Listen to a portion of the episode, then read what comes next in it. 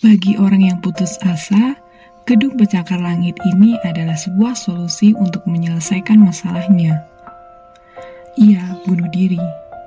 Kita kira masalah kita akan selesai ketika kita mati, padahal kematian adalah awal dari masalah yang sangat berat. Bayangin, setiap detik, setiap kedipan mata, setiap detak jantung selama hidup, semuanya akan dimintai pertanggungjawaban. Seperti apa kondisi kita nanti di akhirat, sering kali pasti kebayang, pantas nggak ya aku masuk surga?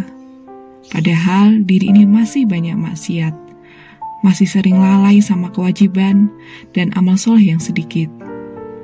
Apa pantas?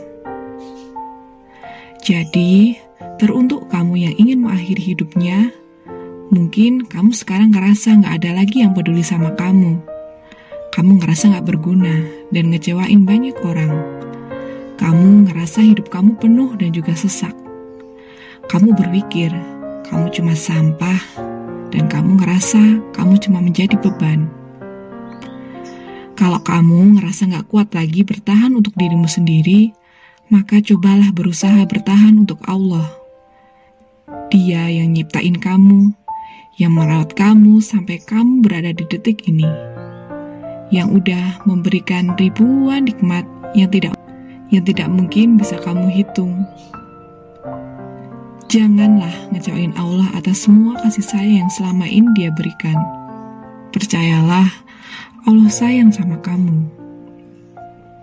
Gini deh, Percaya deh, Allah gak pernah ninggalin kamu dan gak akan rela kamu terus berada dalam kondisi yang seperti ini. Ingat, percaya sama Allah. Asal kamu tetap percaya dan yakin bahwa balasan bagi orang-orang yang sabar adalah surga, maka di waktu yang tepat, Allah akan memberikan kehidupan yang indah untukmu dan kematian yang tenang untuk jiwamu. Hai jiwa yang tenang, kembalilah kepada Tuhanmu dengan hati yang puas lagi diridhoinya. Maka masuklah ke dalam jannah. Hamba-hambaku, masuklah ke dalam syurgaku.